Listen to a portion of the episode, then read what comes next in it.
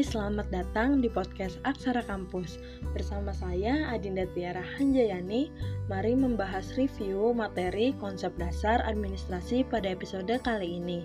Pertama-tama, kalian tahu nggak sih apa itu? Administrasi dalam arti sempit yaitu catat mencatat, ketik mengetik, surat menyurat, pembukuan ringan, serta kegiatan menyusun keterangan-keterangan secara sistematik yang kemudian dicatat tertulis untuk didokumentasikan. Sedangkan administrasi dalam arti luas yaitu adanya kerjasama, kegiatan, proses, usaha, bimbingan, kepemimpinan, serta tujuan yang telah disepakati untuk mencapai tujuan bersama. Jadi, dari kedua pemahaman tersebut dapat disimpulkan bahwa administrasi merupakan ilmu terapan yang berkaitan dengan kegiatan manusia di dalam kelompok sebagai upaya mencapai tujuan yang telah ditetapkan untuk meningkatkan kinerja, produktivitas, efisiensi, dan efektivitas. Administrasi dibagi menjadi berbagai macam ruang lingkup, yaitu administrasi negara, administrasi swasta, dan administrasi internasional. Administrasi negara yaitu administrasi yang dilakukan untuk mengatur urusan-urusan yang menyangkut kepentingan-kepentingan umum suatu negara. Administrasi negara meliputi administrasi pemerintahan.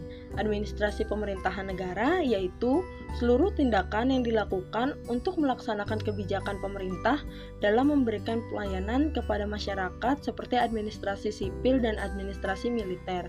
Kemudian administrasi perusahaan administrasi perusahaan negara yaitu administrasi yang diselenggarakan oleh organisasi perusahaan milik negara berupa BUMN yaitu Badan Usaha Milik Negara. Administrasi mem negara memiliki ciri-ciri yang pertama untuk memberikan pelayanan yang sebaik-baiknya kepada masyarakat. Yang kedua, untuk kepentingan kesejahteraan masyarakat luas mengenai infrastruktur, kesehatan, dan lain-lain. Yang ketiga, dilakukan berdasarkan ketentuan perundang-undangan yang berlaku. Yang keempat, dalam kegiatan administrasi mengutamakan kebenaran sesuai prosedur yang telah ditentukan. Yang kelima, cara kerjanya dianggap kurang efisien. Yang keenam, bersifat monopolistik atau mengutamakan kepentingan umum.